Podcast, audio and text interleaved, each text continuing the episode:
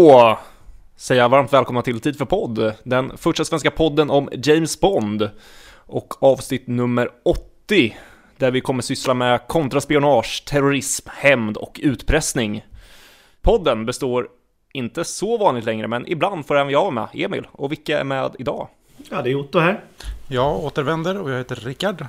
Och Emanuel. Och hur är läget med er? Ja, det är bra.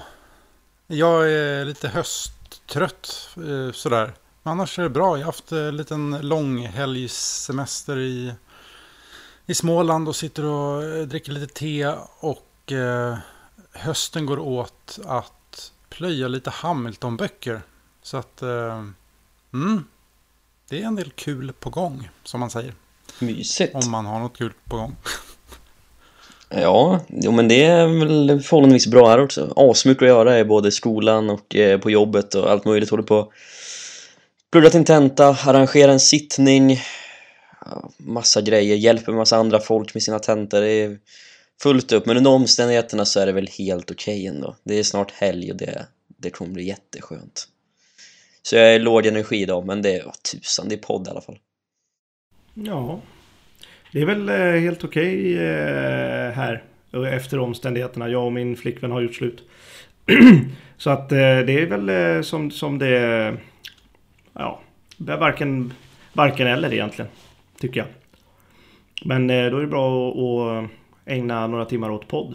Tycker jag. Ja. Ja. Ni, ni vet sådana där bilder på som man ser på isbjörnar på flak helt ensamma och kan inte komma någon vart. Lite så känner jag just nu. Eh, med, men jag ser långt borta i horisonten så ser jag en livbåt med den här podden just nu. Så det är skönt. eh, det, det, har varit lite hej och hå fram och tillbaka med det mesta just nu. Men det är kul att podda, kul att vara tillbaka, kul att få vara, vara välkommen in i värmen. Ja, härligt att ha dig tillbaka. No one, no one ever leaves the TFP, eller vad är det de säger? KGB? ja. Välkommen tillbaka. Eh, tack. Och eh, välkommen tillbaka till Daniel Craig får vi säga på riktigt. Vi har fått en poster. Just det, ja. Det var några veckor sedan. Men, eh, mm. Ja. Vad ska man ja, säga om det? Vad ska man det, säga? det var sån otrolig besvikelse bara. Det var som, ja där dök den posten ja. upp och det var som inget mer med det. Jag vet inte, det kändes... Eh, ja, den, den ger ingenting. Det är Bond i smoken som står en blå vägg bara. Det är jättetråkigt. Det var underväldigande. Ja. Det är ju rätta ordet. Ja, alltså, jag vet inte, är det något som funkar bra på posten? Är det något man gillar på posten? Alltså det, det enda som jag har märkt är ju att den funkar ju i jättelitet format. För då... När man inte ser den helt enkelt. Ja, men det känns som att den är gjord... Den första, första Bond-postern som blir frimärkt. Ja, den första, första Bond-postern som typ är gjort för internet-eran att vara små... Alltså jag, jag vet inte, men den, den sticker ju ut färgmässigt mot de, tid, från de tidigare teaserpostrarna som Craig haft har varit svart, grå, vita. Så det är ju något nytt, men jag, jag, jag kan inte tänka mig att den här någonsin kommer dras upp på stor format, för då är det ju katastrof. Alltså. Ja, men den här är väl designad för att kunna ja. komma förbi ett Instagram-flöde eller sådär. Den är ju ja. Den är designad för att vara en telefon känns som. Bara snabbt, okej okay, det är en Bondfilm, inget mer. Precis. Jag kände ju mer av eh, Jag kände ju mer av den stillbilden när han står framför eh, Aston Martin i London. Eh, och det var inte ens en poster, det var bara första officiella bilden från inspelningen. Den kände jag mycket mer av när jag såg den. För den var extremt snygg. Den har jag som bakgrund nu också på mobilen.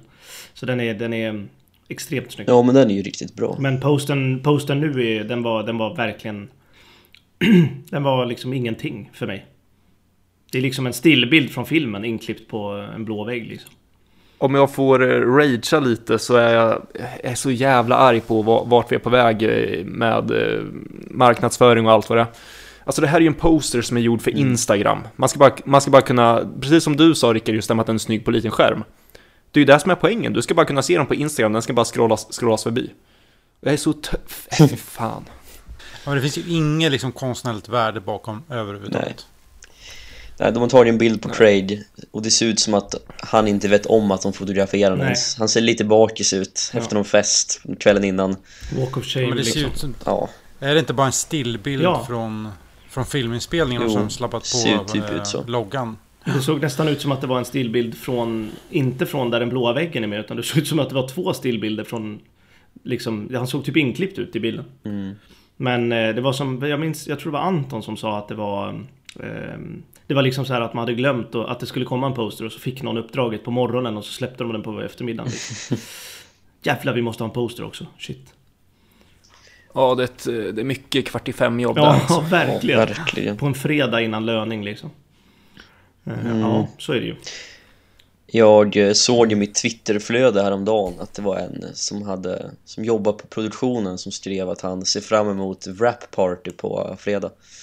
Eh, Så alltså i förrgår när vi släpper avsnittet. Så det innebär väl att de är, de är klara nu, Mm. på riktigt. Blir det någon rap kanaga då eller? Det hoppas jag. det hoppas jag verkligen. Så Trader kanske gjort sin sista, sista Minut. dag som Bond. Ja, sin sista Ja, tagning som? Bond. Mm. Så är det nog. Ja, vilken grej. Mm. Då är det bara trailerjäveln de ska dra ur rockärmen Mm. också. Kommer i Vad var det vi december. snackade om? Var det Star Wars eller? Ja.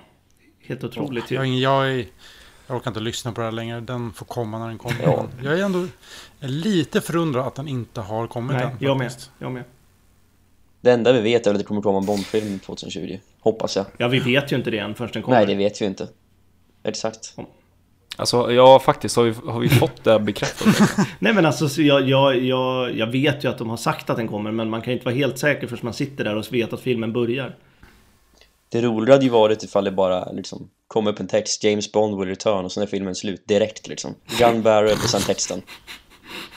Det var Ja, ju som Anton sa att eh, Linus Sanger har glömt trycka på rec så är det ingenting. inget inspelat. det blir ett konstprojekt vid, Pine, vid Pinewood. Ja, de har bara gått runt och meckat lite. Sitter, eh, sitter i gamla gardet där som har varit med sedan eh, 70-talet. Bara ja, alltså filmen var ju bra men det är inte som på Roger Moores tid. Glömde ta bort linsskyddet så man bara spelade två timmars tystnad. Ja, herregud alltså. Nej, men... ehm, nej, jag tycker också det är konstigt att trailern inte har kommit. De verkar vara inte liksom vara lika på på något sätt. Universal. Jag tror det är så enkelt bara att eh, de, de, eh, de väntar in så länge det bara för att skapa hype. För nu kommer ju Star Wars, jag tror inte de vill vara i vägen för den filmen. Nej. Med tanke på min extrema pessimism just nu så förväntar jag mig en trailer som är gjord för småskärmar och Instagram. Så Ja. vi får väl se. Ja, du, du kan... Ja. Det. Kul. Men jag tror filmen blir bra i alla fall. Den är förhoppningsvis inte gjord för Ja, det är det den småskärmar. är. Den är i 4.3 format istället. De, de, de, släpp, de släpper inte filmen på bio, de släpper den bara på Instagram. Exakt. Fy fan vad... De, de släpper det på Inst- Carrie Fukunagas Insta-stories. Släpper de hela filmen så man får sitta och pausa. Och... 120 stycken Insta-stories. Fy fan vad dåligt Det var roligt. Aj, aj, aj vad dåligt. Nej, det är ju inte bra. Ska, ska vi gå vidare där? Då går vi över till eh, succémomentet, faktutmaningen. Eh, nej men jag tänkte... Jag har verkligen inte förberett någonting så det här eh, kommer ju vara historiens sämsta faktautmaning. Men så fick jag en eh, idé igår kväll om någonting och eh, det, har, det har lite med dagens tema att göra. Och vi får väl se, vi ska ju ha lite bakgrundssnack som någon av er kanske rent av kommer nämna, prata lite om där och då så ber jag så ödmjukast om ursäkt. Eh, men jag min, min roll i den här podden är ju lite att vara den där idioten som ställer korkade frågor. Så därför, därför tänkte jag inleda den här faktutmaningen med att ställa en sån liten idiotfråga till er. Vad står Spectre för? Ja, är det någon som vill dra den? Special Executive. For counterintelligence, terrorism, revenge and extortion. Där har vi det. Snyggt. Men eh, vet ni att det inte var det ursprungliga namnet? Mm. Men jag kan inte komma på vad det hette egentligen. Eh, nej, för eh, Fleming eh, kladde ju ner lite tankar på ett eh, memo och det ursprungliga skulle vara är Special Executive for Terrorism, Terrorism Revolution and Espionage. Det har jag missat faktiskt. Oj. Ja, det känner inte Det har jag jag till. missat. Vänta, säg, säg det igen. Eh, vad sa du? Special Executive for Terrorism, Revolution and Espionage. Så dels så har de lagt till Counterintelligence och de bytte Revolution till Revenge. Mot eh, det ursprungliga, som då blev i boken Thunderbolt. Eh, och där kan man ju, ja, gäller man att spekulera kan man ju börja fråga sig varför de gjorde så.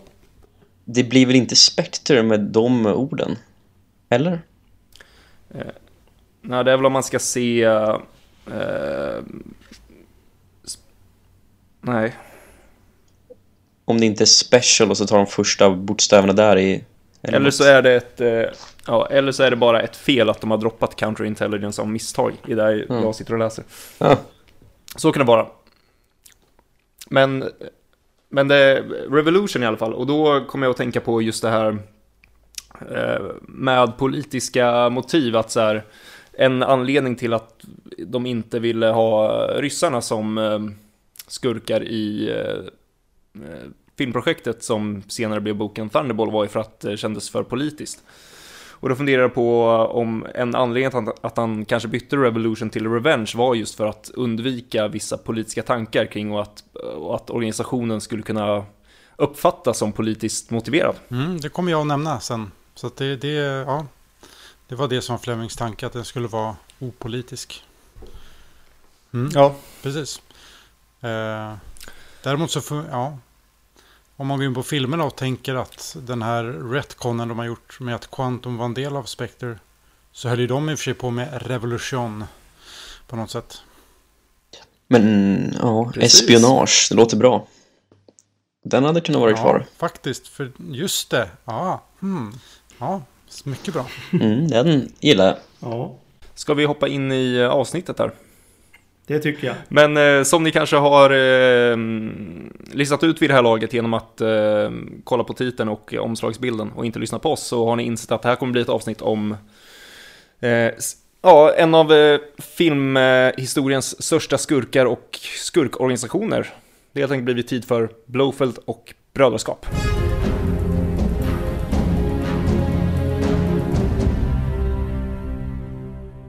Och eh, som jag nämnde ska vi ju köra lite bakgrund och då tänker jag att eh, Rickard får leda in oss in i litteraturen.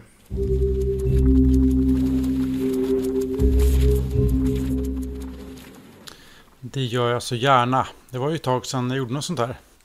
Alltid lika kul att få grotta ner sig i Fleming. För när Ian Fleming 1960 skulle börja göra om filmmanuset Thunderball till bok. Dumt nog eh, om ni som har hört på rättegångsavsnittet. Så trodde han i alla fall att kalla kriget var på sin upphällning. Och eftersom han inte ville att boken skulle vara daterad när den släpptes så skapade han en politiskt neutral skurk. Eh, precis som ja, Emil nämnde alldeles nyss. Och då skapade han därför Spectre. En, eh, den här företagsliknande organisationen. Eh, starkt inspirerad av olika maffiaorganisationer världen runt. Där just lojalitet och hårda bestraffningar var tydliga kännetecken. Och just de här organisationerna var väldigt i ropet på 50-talet. Eh, för att rättsväsendet jagade de här eh, organisationerna väldigt aktivt just då. Och det är alltså såna här, ja, amerikanska gangsterligor, yakuza, kinesiska tongs, italienska maffian. De typerna av eh, organisationer. Och det här toppskiktet av Spectre skapar då Fleming nästan som ett det är, det är i alla fall märkbart likt typ en bolagsstyrelse. Det är 21 personer och 18 av de här är handplockade från ökända kriminella organisationer. Just de som Fleming har inspirerats av. Och det är, de kommer från Gestapo, de kommer från Smersh, korsikanska maffian och så vidare. Och Spectre dyker upp första gången i Thunderball då, i det femte kapitlet, passande döpt till Spectre. Och där gömmer de sig bakom en frontorganisation som heter Firco, som ligger i Paris på Boulevard Haussmann nummer 136. Om någon är intresserad. eh, och hit har då de här Firco-medlemmarna kallats till ett möte. Och de strömmar dit från hela Europa med flyg, bil och tåg för att diskutera Plan Omega. Det vill säga kapningen av två atombomber. Och det som är det som egentligen är skillnaden, vi är så vana vid att Spectre har sina medlemmar som väl då antagligen då är 1 till nummer 1 till 21 och att Blowfeld är nummer 1. Eh, men i böckerna så är det inte så, utan där roterar det här nummersystemet. Så att första gången vi träffar Blowfeld och Spectre så är Blowfeld nummer 2. Men lite mer om Blowfeld sen. Och sen rullar då Spectre vidare här. Det nämns i förbifarten i The Spy Who Loved Me. Bond har undersökt dem i Kanada. Men sen dyker de då upp igen i Secret Service och har blivit anlitade av något som kanske hintas att det skulle kunna vara Sovjet. För att då förstöra det brittiska lantbruket. Men sen när Bond möter Blowfeld i Only Twice så verkar Spectre nästan vara i stort sett nedlagt. Det är Blowfeld som arbetar på egen hand. Och sen ligger ju Spectre i någon sorts dvala, i alla fall i litteraturen. Um, och sen får Gardner för sig att återuppliva Spectre i For Special Services eh, 1982. Och spinner sen vidare på det med en helt ny ledare, Tamil Rahani i Roll of Honor och Nobody Lives Forever. Um, och här vill jag egentligen bara egentligen slänga frågan till Emanuel. Uh, Tycker du att det känns forcerat eller intressant att Gardner väljer att ta tillbaka aspekter när Fleming verkar ha liksom eh, lagt ner mm. det? Alltså jag tycker det görs förvånansvärt bra för att vara liksom eh, i, i Gardners böcker. Det passar ändå in liksom i hur han väljer att framställa berättelserna. Sen hur hur um, ja, men hur, hur ledaren framställs eftersom det är två stycken som jag förstår att du mm. inte nämner eftersom det är en stor spoiler på det. Men den första ledaren det är ju extremt forcerat. Sen Tamil Rahani däremot är ändå en trovärdig karaktär. Han känns väldigt passande för 80-talet lite Christopher Walken när jag View to Kill. Men han får inte så jättemycket utrymme. Han, han eh, är ju knappt med alls i hans sista bok men, nej, men jag tycker det är bra. Jag tycker det är roligt att Garner valde att plocka tillbaka Spectre som en av få liksom, klassiska element från Flemings verk. Så absolut, eh, tycker det är bra. Mm, ja, jag håller faktiskt med. Jag tycker det känns ändå hyfsat naturligt. Med tanke på att hur stort Spectre var på 60-talet i filmserien så är det inte konstigt att Gardner ändå vill ha med det på ett hörn. Mm. Och just att han tar lite friheter och gör sin egen version av Spectre. Det är ju en, en klart uppdaterad organisation jämfört med den som Fleming lämnade i slutet av, eller i mitten av 60-talet. Ja, absolut. Men Spectre leds då, som vi såklart alla vet, av Ernst Stavro Blofeld. Och vill man ha den hela fina grundliga bakgrunden till den här karaktären så tycker jag att man ska plocka fram sitt exemplar av Thunderball eh, och läsa det kapitlet Spectre. Ehm, ja, antingen om ni läser om det eller kanske inte ens har läst boken så gör det för att det finns väldigt, han har en ganska intressant bakgrund. Måste jag säga. Och han är ju då den högsta ledaren såklart. Ehm, och såklart inte en slump så är han född samma dag som Ian Fleming, 28 maj 1908. Ehm, jag vet inte om han är Flemings mörka sida, eller vad man ska säga. Oh. Um, han är i alla fall född i Gdynia, det är inte Fleming, så att ni någon, inte någon blir förvirrad.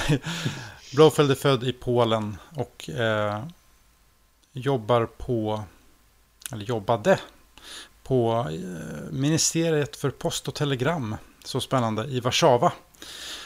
Och när Polen rustar för krig så kommer han över information via tele telegram som han inser skulle kunna vara ovärderligt för fienden. Och då bygger han upp en fejkorganisation med låtsasspioner som man kallar för Tartar. Och närmar sig först den tyska underrättelsetjänsten och sen den amerikanska och svenska.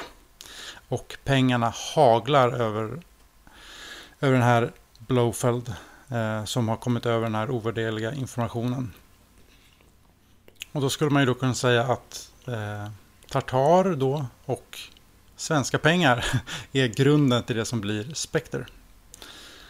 Och det är ju en väldigt, det är en brokig väg fram för honom sen. Eh, så det får ni läsa er in i det kapitlet. Eh, men han bor en tid i Stockholm under svenskt pass med namnet mm. Serge Det, är så, det är så jävla konstigt. Det är väl som eh, Stromberg i eh, boken är väl också svensk. Han är också svensk, ja, precis. namn också. Mm. Ja, det här det är något liknande. Serge Angström, eller om det är Engström. Ja, ja. Som alla heter Precis, i Sverige. Serge, det är ju en klassiker. um, det som jag tycker är nästan det mest intressanta med Blowfield är, är just att han är en kameleont. Att han byter utseende i hans tre framträdanden. I Thunderball så framställs han som en stor person. Han väger 130 kilo. Han har varit tyngdlyftare som har blivit fet på äldre dagar. Han har svart snagg, svarta ögon. Och det är ju det är så långt bort man nästan kommer från filmversionen av honom. Ja, verkligen. Eh, och sen i Secret Service, då är han plötsligt smal, 75 kilo. Han har gått ner jättemycket i vikt. Han har långt silvrigt hår, gröna ögon och inga örsnibbar då, för de har ju huggit av sig. Eh, och syfilisnäsa. Det är ju alltid trevligt med en liten syfilisnäsa wow. och sen i Only Twice så återkommer han eh, återigen med mer muskler. Den klassiska slokmustaschen. Eh, en guldtand och dessutom under ny flagg. Guntram Shatterhand. Mm. Eh, jag vet inte, någon gång har det slagit mig när jag läst Secret Service att namnet Blowfelt skulle kunna vara en, typ ett kodnamn. Sen dödar ju Fleming själv den idén för Bond är ju väldigt säker på att det är just samma Blowfield som han har träffat förut i Young Little Twice. Men varför den här ivern att ändra utseende, det har jag aldrig riktigt förstått. Alltså det jag funderar på det är om eh, Ian Fleming helt enkelt inte hade koll på alla detaljer från sin föregående bok. Särskilt om det kanske inte var han som skrev så mycket av Blofeld som karaktär i Thunderball. Um, nu hoppas jag inte att det är så, för det bidrar extremt mycket till karaktären att han förändras mellan varje bok. Men det kan ju vara en teori. Förvisso, allt som han förändrar är ju, det är ju möjligt att förändra. Jo, så men precis. Att en kriminell skulle försöka ändra utseendet kanske inte är helt märkligt egentligen. Jag vill inte tro att det är så att Fleming bara glömt bort mellan böckerna Men vem vet, mellan allas, alla sina fyllekvällar han hade där Så är det inte omöjligt. Jag kommer faktiskt inte riktigt idéer, ihåg hur det skrivs i Secret Service Om hur, hur Bond reagerar på, på hur Blowfall ser ut. Nej, det som är lite kul var att när jag läste Secret Service ganska tidigt Kanske 2009-10 så minns jag att jag tänkte verkligen, jäklar vad han ändå känns som att det här... Alltså jag hade Christoph Waltz i huvudet. Just för porträtteringen stämde ganska bra in på honom. Ja, så det, han hade ju kunnat göra en jättebra Blowfield. Alltså med en annan version av Blowfield om man säger så. Mm. Men det kommer vi in på senare kanske. Ja. Eh, under böckernas gång då som Blowfield med så verkar han även bli lite mer och mer galen. För menar, i mm. Thunderball så är han... Alltså han har ju visserligen inget samvete överhuvudtaget. Eh, men han visar liksom inget tecken på någon sorts ohälsa. Sen plötsligt så är den här rationella företagsliknande Blowfeld från Thunderball är plötsligt liksom adelssnobbig. och fåfäng i Secret Service. Och sen i John Twice så skriver Fleming att Blofeld egentligen är rent galen. Bond säger till Blofeld och Irma Bunt I suppose you know you're both mad as hatters. Och Blofeld svarar So was Frederick the Great, so was Nietzsche, so was van Gogh. We're in good, in illustrious company, Mr Bond. Herregud. Det är en riktig, eh, ja, galen, eh, vad heter det? Ja, galen person. Ja. Kort och gott, hittade inte ordet. Men han har rätt i sak. Mm. Eh, och sen så går ju Blofeld som vet sin död till mötes i sitt groteska japanska slott. Men Mm den sista frågan jag egentligen vill ställa er, eh, för vi vet ju vad, vad, ja, vad Blofeld och Spectre har inneburit för filmserien. Men hur viktig är Blofeld liksom i Flemings eh, universum? Alltså, han är ju inte jättefärgstark i förhållande till många andra skurkar. Han är väl inte den första man kommer att tänka på om man bara ska liksom rabbla upp Fleming-skurkar. Han blir ju stor i samband med det arvet han får via filmerna, men just i böckernas värld så tycker jag inte alls att särskilt Blowfield då är en, en jättespännande karaktär. Med det sagt så påverkar han ju Bond som karaktär väldigt mycket och de böckerna han är med i. Men han är ju sällan den som sticker ut allra mest. Jag tycker väl att när Blowfield är som bäst, det är just det kapitlet du nämnde i Thunderball. För där är han genuint skrämmande. Eh, men i övrigt, mm, jag är ju försiktigt optimistisk till Blowfield i böckerna. Mm, Även om han är väldigt färgstark i vissa ställen. Ja, för han, han är ju inte med. Visst, han har sitt egna kapitel i Thunderball, men han är ju knappt med i berättelsen i övrigt. Ehm, och sen, sen är han ju med i och för sig väldigt mycket i Secret Service och John Lut Wise. Och där påverkar han ju Bond otroligt mycket, egentligen mer än någon Mm. annan skurk. Men han är ju som, som karaktär så är han ju lite blek i förhållande till Ja, alltså hur Fleming skriver om Red Grant eller Dr. No eller eh, ja, någon av dem, de Goldfinger eller Le Chiffre. Han, han sticker inte ut i mängden på det sättet. Sen blir han ju viktig när man får läsa om hur Bond mår efter Tracys död, till exempel i John Live Twice. Men det är ju mer det, hur, hur det påverkar Bond som är det viktiga med Blowfield egentligen. Ja, exakt. Karaktären som så blir ju bra som en helhet över de tre böckerna han är med i. Men han är ju kanske inte lysande om man bara plockar ut han från en av böckerna. Förstår ni vad jag menar? Alltså, om man bara liksom ser till On the Magic City Service så är han inte jättebra. Men om man sätter in de två andra böckerna då, är, då blir han en bra karaktär. Ja, det, alltså det, Blowfeld på något sätt blir ju intressant för att jag är väldigt fascinerad av Spectre som en organisation. Sen är ju kanske, sen är det väl kanske inte snarare Blowfeld, det är inte han som gör Spectre så pass intressant, det är väl snarare hela själva strukturen och allting och eh, det som är fascinerande. Eh, karaktären i sig är ju ganska blek och jag tycker väl nästan han är det blir ju nästan som mest intressant i You Only Live Twice för att han blir mer galen och Bond befinner sig i det sinnesstadiet som han är. Det blir i alla fall någon form av intressant dynamik. I övrigt så är ju han... Ja... ja inte ointressant, men det är ju det är inte han man kommer att... Som du sa, det är inte han man tänker på från bok... Alltså från eh, böckernas värld när det ska börja snackas intressanta skurkar. Nej, och som du sa, alltså Spectre som organisation är ju, är ju väldigt intressant och en väldigt bra idé.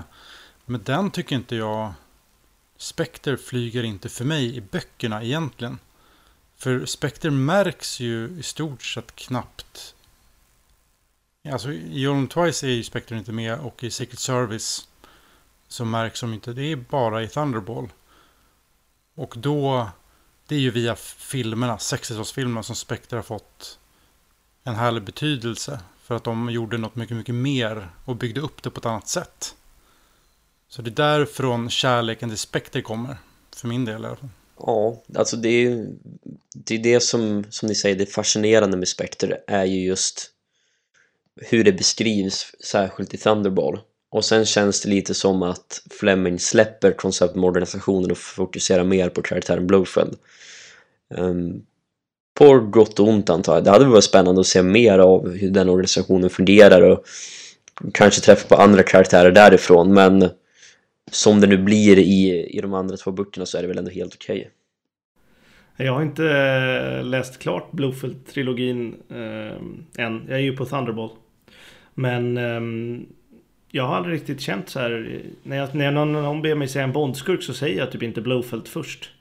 Eh, jag tänker mer på de som har varit med i en film. Typ Scaramanga, Goldfinger. eh, ja men Dr. No till och med. Eh, de, jag vet inte varför egentligen. Jag tycker bara det, jag, jag tycker inte det, jag tycker inte han är så intressant. Just, eh, nu tänker jag filmerna framförallt då eftersom jag inte läst klart Blofelds story-ark. Men eh, i filmerna så tycker jag inte han är... Han nämns ju alltid som Bonds ärkefiende men det är ju... Eh, för mig finns det mycket mer intressanta skurkar som du sa Emil. Ja men idén och myten om Blowfelt är, är ju intressantare än hans karaktär. Exakt, exakt. Och jag tycker ja, Spectre som organisation är mer intressant än Blowfield som karaktär också. För Spectre-organisationen är ju, den är ju spännande liksom. Men Blowfield, ja. Det är ju mytoset liksom. Myten om honom. Ja, men det kommer väl kanske komma in på när vi börjar prata om Blowfield i filmen också, men att skurkarna som bara är med en film, de är ju så extremt definierade av sin film och vad som ja. händer där i. Men när Scaramanga är ju The Man with the Golden Gun till exempel och Kananga, Live and Let Die och så vidare. Så med Blowfell har vi utspridd i så många olika filmer där kvaliteten varierar så stort också så det blir så svårt att greppa Blowfell helt och hållet då också. Och eh, det är lite det jag menar när jag pratar om böckerna också att han, han är ju så översträckande över tre helt olika typer av böcker. Och eh, då blir det svårt att få grepp om karaktären, särskilt när hans karaktärsdrag förändras också typ mellan varje bok. Jo, det, precis, jag förstår det. Sen måste man ju älska att han går runt i riddarrustning och skriker på sin japanska bakgård. Eh, det, det kan man inte ogilla. Det är fantastiskt. Jag längtar efter det redan faktiskt. Eh, va? Va? Jag längtar när du gör det? Ja, jag, nej, jag, jag längtar efter att läsa om det alltså. eh, ja. Nej, det är det. Men eh, ja, det blir spännande. Jag, på förhand innan jag började läsa böckerna, för jag började läsa dem liksom för kanske två år sedan. Och jag, har inte, kan, jag kan inte säga att jag har läst jätteflitigt, men eh, den boken jag såg mest fram emot av eh, filmavsnitten eh, var ju You Only Live Twice. Eh, så att den, den är, ligger fortfarande kvar där som den jag ser fram emot mest. Det är väl du Rickard som inte är så förtjust i den va? No, nej, jag är inte så förtjust i den. nej, nej, det är okej Rickard. Det är fel Rickard. Vi lever i ett fritt land. Ja. ja, men jag har inte så mycket mer om, eh, om böckerna. Så att eh, vi har börjat nudda vid filmerna så då är det väl bara dags att slå igen boken och springa vidare till vita duken. Greppa filmerna. Ja. By the balls.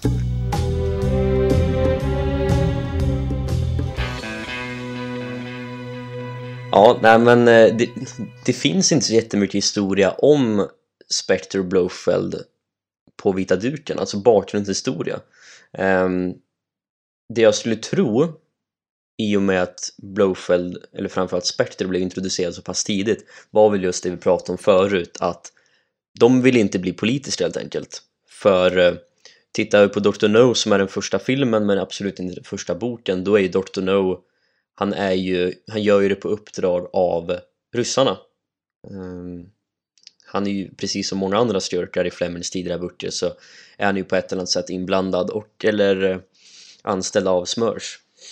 Uh, och uh, jag kan tänka mig då att E.ON valde väldigt medvetet att men vi vill inte göra oss ovän med, med ryssarna eller vilka de nu ansåg sig kanske kunna göra sig ovän med och därmed använda en, en fiktionell organisation så här tidigt. Ehm, det som man kan tycka är intressant med det, det var att de valde att etablera Spectre så pass tidigt, kanske i åtanke att de skulle komma tillbaka med en eventuell andra film och bygga ut Spectre mer senare. Um, för det gör de ju också, i From Russia With Love som vi alla vet så gör ju Blowfield sitt första framträdande.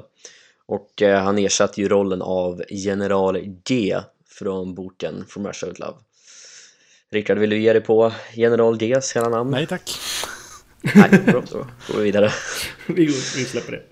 Ja, Nej, men i From Russia Love får vi också för första gången bekanta oss med själva organisationen. Och eh, det tycker jag alltid är lite kul med, med den filmen är att Blowfield är krediterad bara med ett frågetecken i Ja, just eftertexterna. det. Mm. Det var stå Ernst Blowfield sen ett frågetecken. Och eh, jag läste om det i Some Kind of Hero när de hade frågat någon i produktionen då fick de inget svar varför de gjorde det. Så att, ja, konstigt. Ja, Skämt som full platta antar jag. Ja. Men i alla fall så spelas i Thun, äh, inte Thunderball, Blowfield spelas av eh, Anthony Dawson, han är själva siluetten som spelar Professor Dent i Dr. No och rösten gjordes av Erik Pohlman och denna duo kommer tillbaka för att porträttera Blowfield i Thunderball även om det från vissa håll sägs att det är Joseph Wiseman som gör rösten till, eh, till Blowfield där eh, jag tror det står på Agent 007.nu bland annat men eh, jag har inte hört någon skillnad på röst mellan de två filmerna men om någon kan bevisa motsatsen så kör hårt. Men i alla fall, Blowfoot på film var till en början väldigt lik sin förlaga från framförallt boken Thunderball. Att enbart visa katten istället för ansiktet är väl egentligen ett genidrag som än idag är lika ikoniskt som det är parodierat.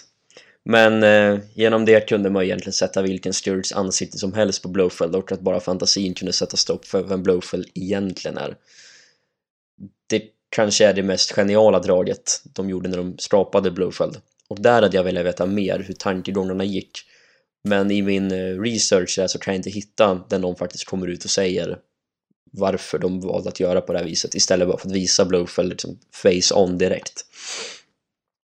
Men eh, som vi alla vet så är det ju McLaury rättigheterna till Blofeld och Spectre så Eon kunde inte använda varken honom eller organisationen i senare filmer även om de försökte i till exempel The Spy Loved Me och säkert i någon annan film. De använde ju han visserligen men inte som Blofeld i öppningsscenen av For Your Eyes Only. Men det var först år 2013 som Danjak och MGM kunde lösa rättigheterna för McLaurys kvarlåtenskap och något som avslutade en lång och utdragen process och som äntligen gjorde att E.ON skulle få möjlighet att använda rättigheterna utan förbehållningar på gott och ont. Men eh, ja, som jag nämnde i början, det finns inte väldigt mycket information till hur de valde att tackla Spectre och Blowfield. Så jag bollar över frågan lite till er. Varför tror ni att de valde att göra som de gjorde med Blowfield i From Russia With Love och Thunderball? Delvis att inte visa honom. Det är ju jättesvårt att spekulera om. Men det, alltså det första jag skulle vilja säga att det, det tycker jag är väldigt fascinerande. För att boken Thunderball kommer ut 1961. Och det är väl då eh, de sätter sig ner och börjar skriva manus till Dr. No. Och redan Mm. där så väljer de att plocka upp organisationen Spectre. Från en bok som precis har släppts. Och sen ju och sen långsamt bygger upp den här organisationen på Mm. ett sätt som är be- mycket bättre än hur Fleming, för Fleming är det ju, han hittar ju på Spectre där och då. För boken. Eh, Mm. Så att, men ja, jag vet, ja, varför gör de så? Ingen aning, men det är svinbra. Han hittade på Spectre sommaren 59 vill jag bara flika in. Men det var Ja. Fleming som hittade på Spectre och Blowfield. Ja, Mm. Det var det, ja. Okej. det som, det som var är att det är lite tvistigt kring kring ve- vems idé det egentligen var att ha just en organisation som skurk. För eh, Spectre förekom inte i något av manusutkasten, men alla var ju överens om att de ville ha en, eh, för där var det ju snarare en maffiaorganisation. Så McClory har väl lite hävdat att, att han någonstans var med och byggde upp det som organisationen Spectre är. Sen att det blev just namnet Spectre har, har väl inte han så mycket att göra med. Men att det är inspirerat av den organisationen som de byggde för filmerna. Eller den filmen som inte blev av. Okej. Okay. Mm. okay. Alltså vill ni veta mer om det här så gå tillbaka till rättegångsavsnittet. För där håller Emil Mm. en en timmes lång låda om tvisten mellan McClory och Fleming och allt vad Spectre är. Det, det är svinbra var det. Så det kan ni gå, till, Sjukt det kan intressant. ni gå Ja, ett av de tillbaka mest till. intressanta avsnitten jag har ja, upplevt av egen, för egen del i alla fall. Det har ju varit roligare avsnitt, alltså saker som har varit roligare så, men det har varit, var det nog mest lärorika avsnittet i alla fall som jag har Mm. varit med i. Av de här 80 avsnitten eller vad det är. Ja, när man går tillbaka dit och, och, och lyssna. Men om, om, vi, om vi går tillbaka just till hur, hur de valde att porträttera Blowfield här, för det tycker jag är väldigt intressant att de, de tog något så självklart som en vit katt och bara körde på det, för det är ju inte med i böckerna. Och jag tror jag är inte ensam när jag säger att det är en fantastisk porträttering av Blowfield. Men jag vill fortfarande liksom höra era tankar. Varför tror ni att de valde att göra Blowfield på det här sättet? Och istället in, bara för att inte visa hans ansikte och göra honom som en vanlig karaktär. Jag tror väl, ja men eh, någonstans just den mytbildningen som de var ute efter, de var väl de visste väl redan där och då att det här kan vara något som eh, de vill hålla på med i flera filmer och då vill de hålla den här myten om karaktären levande. Mm. Ehm, sen exakt varför det gjordes på just det här sättet, eh, ja, det vet man ju inte. Det måste man ju ha varit där för att veta varför de valde att göra exakt så, men det, jag skulle kunna tänka mig att det har att göra, har att göra med det. Att de vill, de visste att det här kommer, vi vill göra det här i fortsättningen och då måste vi försöka börja bygga någon form av mytbild kring honom. Det tror jag, det tror jag också. Jag tror också att det var, det är ju, det, ja, saker blir ju liksom läskigare ju mer man håller på det, känns det som. Mm. Och ja, det finns ju många exempel på det liksom där det, där det används på det sättet, typ Hajen i Hajen-filmen. Um, och ja, jag tycker det är, det är mer intressant också. Man blir ju mer sugen på att se vem, vem är den här Blowfield? Hur ser han ut? Var, varför får man inte se honom? Många så här frågor som byggs upp. Ja, kring... jag menar, du behöver ju bara gå tillbaka till Dr. No för att se att det används på exakt samma sätt fast inom kontexten ja, för en film. Uh, och ja jag tror väl bara tanken var att om Bond någon gång ska möta Blowfelt i en framtida film, men då får vi väl visa honom då. Men ja, innan dess eh, känner de väl säkert inte att det var nödvändigt just för att de ville behålla myten kring det. Ja, de ville väl inte spill the beans som man brukar säga. Ja men det, det är sant, för det fungerar ju extremt effektivt. Eh, Erik Polmans röst är ju fantastiskt passande till den här typen av karaktär eller som de väljer att porträttera Blofeld i, i de här två filmerna. Eh, ja men det, jag tycker det är fascinerande att de kanske hade det i baktanken att ja, men vi, vi drar ut det här på två, tre filmer och därför visar vi inte honom direkt. Att de liksom ändå hade det någonstans i bakhuvudet så pass tidigt. Och som du sa Rickard att redan 1962 i Dr. No så presenterar de en organisation som mer eller mindre skapades året dessförinnan, eller i alla fall lanserades till det allmänna året dessförinnan. Så det är ju extrem eh, framförhållning på något sätt att göra det så tidigt. Jag tänker också det här att det blir ju om man har en, en figur som som är den som liksom leder eh, planen, organisationen. Men som vi vet att Bond ska inte träffa den här karaktären i den här filmen. Då ger det ju också större effekt att Alltså att alltså Emilio Largo blir ju inte förminskad trots att han har en chef ovanför sig. För att vi faller träffa den där chefen på allvar. Därför tycker jag att liksom Emilio Largo är ju en liksom underbar skurk i egen rätt. Och känns på något sätt som huvudskurken. Fast egentligen så är det ju Blowfeld som sitter där uppe och drar i trådarna. Mm, ja, men exakt. Det säger en hel del att många av de mer färgstarka skurkarna kom från den här tiden ändå. När ändå man visste om att Blowfield var i bakgrunden. Det handlar om att ta plats utan att ta plats antar jag. Jo, så måste det ju vara. Så är det. Så är det. Så är det. Ja, men det var lite om bakgrunden, även fast det inte var någon konkret fakta om bakgrunden, egentligen bara massa spekulationer. Men eh, ja, som sagt, det finns väldigt lite om, om eh, hur de tänkte om Blowfield och Spectre inför de första filmerna. Så jag antar att vi rullar vidare eller något. Ja, kan vi väl göra. Eh, och för att då fortsätta på själva filmspåret så, som vi nämnde så blev ju Blowfelt till slut en synlig karaktär och hur, hur känner vi kring det? Att de har byggt upp den här myten och sen så fick vi se honom. Är det motsvarar förväntningarna eller är det någonting som inte riktigt matchar? Det är väl faktiskt mitt problem. Men det är någonting, alltså Donald Pleasence gör ju en jättehärlig liksom, rollprestation. Men den matchar inte det som jag har byggt upp i huvudet. Under två filmer. För att det är ju det som är så genialt med det sättet att jag bygger upp min egen förväntning på vad Blowfield är och ska vara. Det är lika genialt som det är livsfarligt för att det är risk att det inte infrias. Och för mig har det aldrig riktigt gjort det med, ska jag vara hård, någon synlig Blowfield.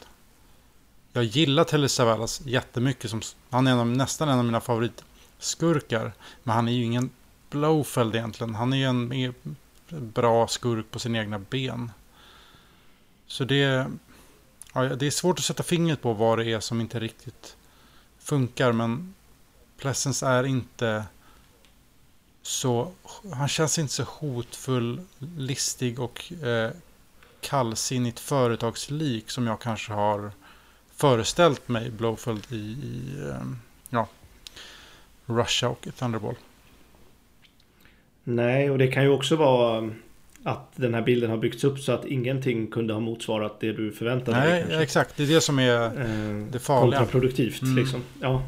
Eh, men jag håller, jag håller lite med. Det, det, det blir kanske lite underväldigande för att man just har den här myten om Blowfelt i huvudet och, och eh, Spectre. Som en Spectre tycker jag görs ganska bra i filmerna överlag. Eh, som organisation. Men alltså Pleasance Blowfelt är ju liksom den jag tänker på när folk säger Blowfelt. Eh, bara för att han har blivit så ikonisk med r och, och alltihop. Och eh, ja, nej men det är ju och hela vulkangrejen och just i filmen det händer i och sånt. Det är, jag vet inte, det är en väldigt klassisk eh, film. Så jag vet inte riktigt om det är nostalgin som talar eller om det är att jag faktiskt tycker så. Men det, det är i alla fall, det har, det har etsat sig fast i alla fall. Ja, men jag är väl inne lite på det som Rickard också att det är väl någonting där som skär sig lite och jag gillar egentligen Ja men alla Blowfelds har väl sina styrkor någonstans men alla funkar bara inom ramen för, för filmens kontext och ingen riktigt rimmar riktigt med den ansiktslösa figuren som man har sett tidigare. Så kan man, eh, kan man någonstans bara glömma bort att den typen av Blowfelt finns så tycker jag ändå att det, det, funkar och för det mesta så tycker jag ändå att jag, menar, jag, jag tänker inte på det. Jag, jag, jag tycker att alla Blowfelds funkar på det här sättet. Men det, nu när man ska sitta och försöka analysera det och försöka och fundera på Blowfelt som karaktär i stort i filmserien då börjar det ju ställa till med lite saker i ens huvud och man börjar ifrågasätta vissa saker. Ja, men det är väl lite det att eh, Pleasance funkar jättebra på egen hand, funkar i kontexten av sin film, liksom i den här stora vulkanen och allt som händer runt om honom. Men när han skriker liksom Killband! Now! Oh. Det, det, det, det, det, blandas inte jättebra med den man har byggt upp ifrån Rush of Love och Thunderball. Även om han är bra på egen hand liksom. Um, även det är ju intressant att han, han blev så pass ikonisk med r och att han är flintskallig för det är han ju inte riktigt i, i boken heller, eller i någon av böckerna heller så att även där är ju ett genidrag i sig liksom, även om ja. Porträtteringen kanske lämnar lite att önska. Jag tror han har blivit ikonisk enbart rent visuellt faktiskt. Jag tror inte så många tycker att hans karaktär är jätte, jättebra kanske. Han har ju ingen karaktär. Han är ju inte en nej, karaktär Nej, nej precis. Så det var det jag tänkte säga, att han har ju inget. Han har ju, han har ju, men det är också intressant för att liksom när man tänker eh, Bondskurkar överlag tror jag att det är så här i alla fall. Och i liksom tv-spelen och sånt där man kan spela som olika valbara karaktärer. Då är ju inte Blowfield med så ofta. Eh, man spelar ju oftare som Scaramanga eller som Oddjob eller som Jaws eller som ja, men eh, Goldfinger eller vem det kan vara liksom. Mm. Så det är ju också en intressant tanke att han inte har följt med så mycket ändå i, i de medierna om man säger så. Ja, det är väl lite det också med, med Blowfield att han har ju målats upp som Bonds ärkeskurk liksom. Mm. Som Joker är till Batman eller som Lex Luthor är till Superman att ja. de ska vara de eviga krafterna som för alltid slåss mm. mot varandra och de är varandras motsatser. Det låter bra i teorin men så är det ju inte i, i praktiken egentligen. Nej, ja, nej. Blowfield står ju, han, han är ju ansvarig för att hans fru dör och så. Men det hade kunnat vara vem som helst egentligen. Ja. För, och det förhöjs ju av att när de träffas nästa gång så är det ingen, ingen fiendeskap överhuvudtaget. Nej. Så, så, ja. så, i teorin är det jättebra tanke såklart, men det haltar ju i filmerna. Ja. Men det jag tycker är lite så här märkligt med just eh, 60-tals Bond är att, alltså, film och tv-seriekultur på den här tiden är ju väldigt, ska man säga, episodisk. Jag menar, nu, nu är vi inne i en period när liksom allt ska hänga samman. Universum. Precis, och det är tv-serier Mm. som... Alltså man kan inte... Man vill sätta på nästa avsnitt direkt. För att det är... Det är en, liksom, det är en storyline över 10-20 avsnitt. Så var det ju inte på 60-talet. Då var det... Ja men ta The, The Saint. Det var liksom det var ett, ett litet äventyr. Eh, varje vecka. Om missade man ett så gjorde det ingenting. Det var inte någon big deal. Det Nej. märkliga är att Ion bygger upp serien med en inbyggd storyline i Blowfield och Spectre. Som utvecklas i början. Men sen då när Blowfield ska börja synas. Då släpper de det. Mm. Det är det, det, det som är märkligt för att jag, jag, kan, jag kan köpa att de ville porträttera liksom Blowfield i Pleasance-varianten i On Live Twice. För det rimmar inte riktigt för mig, men det är fine. Men sen att de släpper det eh, och sen mellan John Twice och Secret Service så är det som att det är olika karaktärer. Det är märkligt att de, de det är som att de tror inte på idén hela vägen in i kaklet. Trots att de Nej men det tror jag också någonstans har att göra med hur eh, alltså, filmlandskapet i stort var. Eh, det man ska komma ihåg är ju att franchises existerade ju knappt vid den här tidpunkten utan det var ju i stort sett Bond Eon bland mycket annat var ju de som någonstans banade väg för det här begreppet som vi idag känner som filmfranchises. Även om det gjordes filmer med samma karaktärer så var det ingen som så var man fortfarande i en tanke av att varje film är en, ett enskilt verk och det, nästa film kan vara den sista hela tiden. Så bara där så låg väl Eon någonstans i framkant i att försöka att bygga någonting över eh, över flera filmer och bygga en franchise helt enkelt. Och det är klart att eh, lika svårt som det är att bygga upp någonting helt nytt och en ny idé om hur man ska, av, av vad bygga upp en idé om en filmfranchise, lika lätt är det ju att bara strunta i det för att man kan göra som alla andra gör redan. Ja, jo. Ja, alltså, där kommer jag att tänka på en grej jag såg ju på, på Twitter för någon vecka sedan. Det var sån här Your favorite film theory typ och så kollade jag den här tråden. Och då var det en som skrev eh, There's only one Bond movie and that's the one you're watching right now. Och då var för- folk frågade vad menar du? Det finns ju 24 av dem. Bara, Nej, utan att eftersom Bondfilmer är så episodiska så finns det i, i Bondvärlden bara en film och det är den som sker just för tillfället. Och det tycker jag är ganska intressant ändå, för det är ju ändå det ni pratar om nu att filmerna är ju sina egna filmer utan med tanke på kontinuitet eller något sånt utan när vi går från Johnny Live Twice till Johnny Magic City Service då har vi liksom slängt ur allt och börjat om. Och sen går vi vidare till Diamonds of Forever ja men då har vi slängt bort föregående film och börjat om. Och den idén är lite intressant ändå att Bond bara är på typ ett äventyr och det, det är liksom den filmen man kollar på för tillfället. Och det är ändå ett ganska sunt tankesätt runt filmen ändå. Ja, jag tycker ändå visst att eh, med Craig-filmerna förväntar man sig mer att saker och ting ska hänga ihop för att man är så van med att det är som när det kommer nya Mm. filmer. Men jag tycker ju ändå att det funkar ändå när man ser tillbaka på filmerna. Jag menar, de, de gör sin grej, de är episodiska och det är väl, det är väl inget fel med det någonstans. Nej, absolut inte. Nej, verkligen inte. Och- verkligen inte. Det enda som förvånar mig är att de börjar i början på 60-talet och, och försöker bygga upp någonting. Det är Ja. det. Ja, jag har ju inget problem med att Blowfield inte känner igen Bond i Secret Service. Alltså, I couldn't care less. Jag tycker det är en... Den tar ju inte ifrån den filmen någonting. man kan säga att eh, Mission Impossible gjorde en omvänd Bond. De började bygga upp någonting i typ så här film 5. Bara, men ska vi ha lite kontinuitet? Ja, varför inte? Mm. Ja, precis. Ja, just det där med att han inte känner igen Bond i Secret Service, det är ju Det är ju vad det är liksom Men det blir ju så mycket enklare att svälja när det är en ny När det faktiskt är en ny skådespelare som spelar Bond Mm. Mm. Så det gör ju verkligen ingenting Det är ingenting som förstör filmen i stort Även om det kan irritera en ifall man vill se det allt som en helhet Och det är väl det vi är så vana vid att göra nu. Att se allt som en helhet. Vilket man, man inte kanske gjorde på samma sätt för 30-40 år sedan. 50 till och med. 60. Ja, de tänkte väl inte så att man skulle se om filmerna då Utan att man ser dem bara när de går på bio liksom Ska vi eh, hoppa vidare i tiden?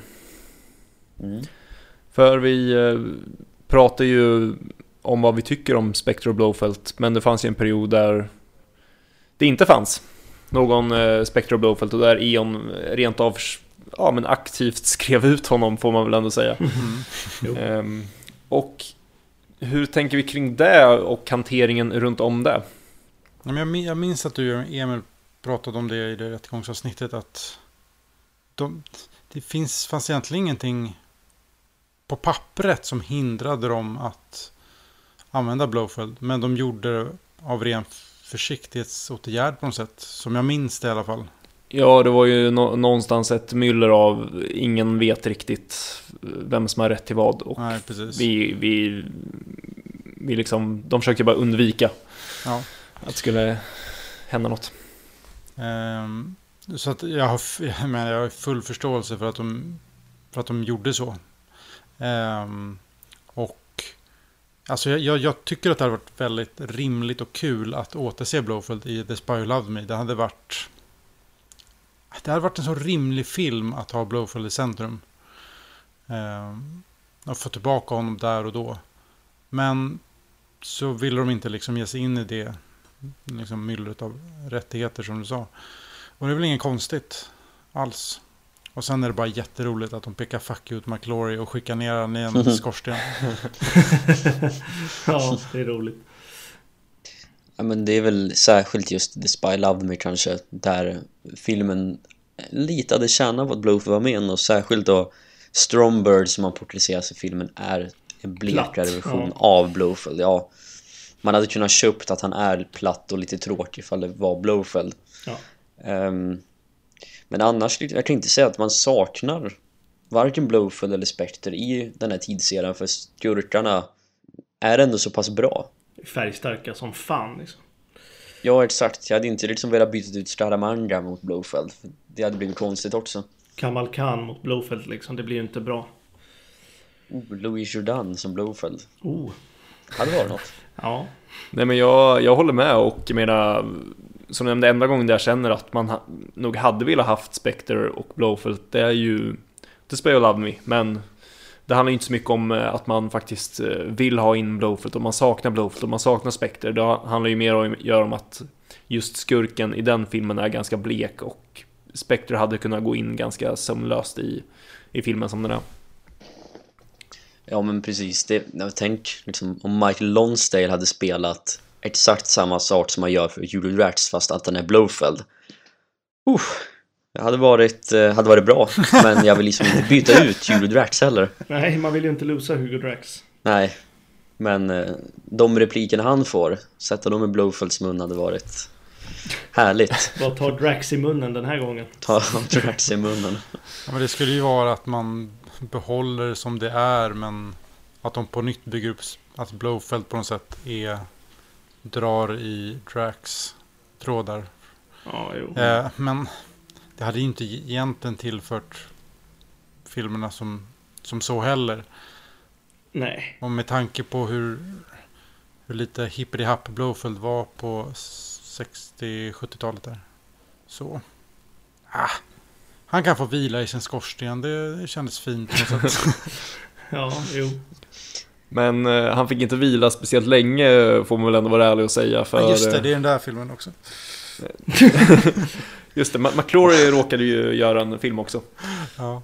Just det. Never Never Again heter den. Det glömde jag faktiskt. Där Blowfelt då kommer tillbaka.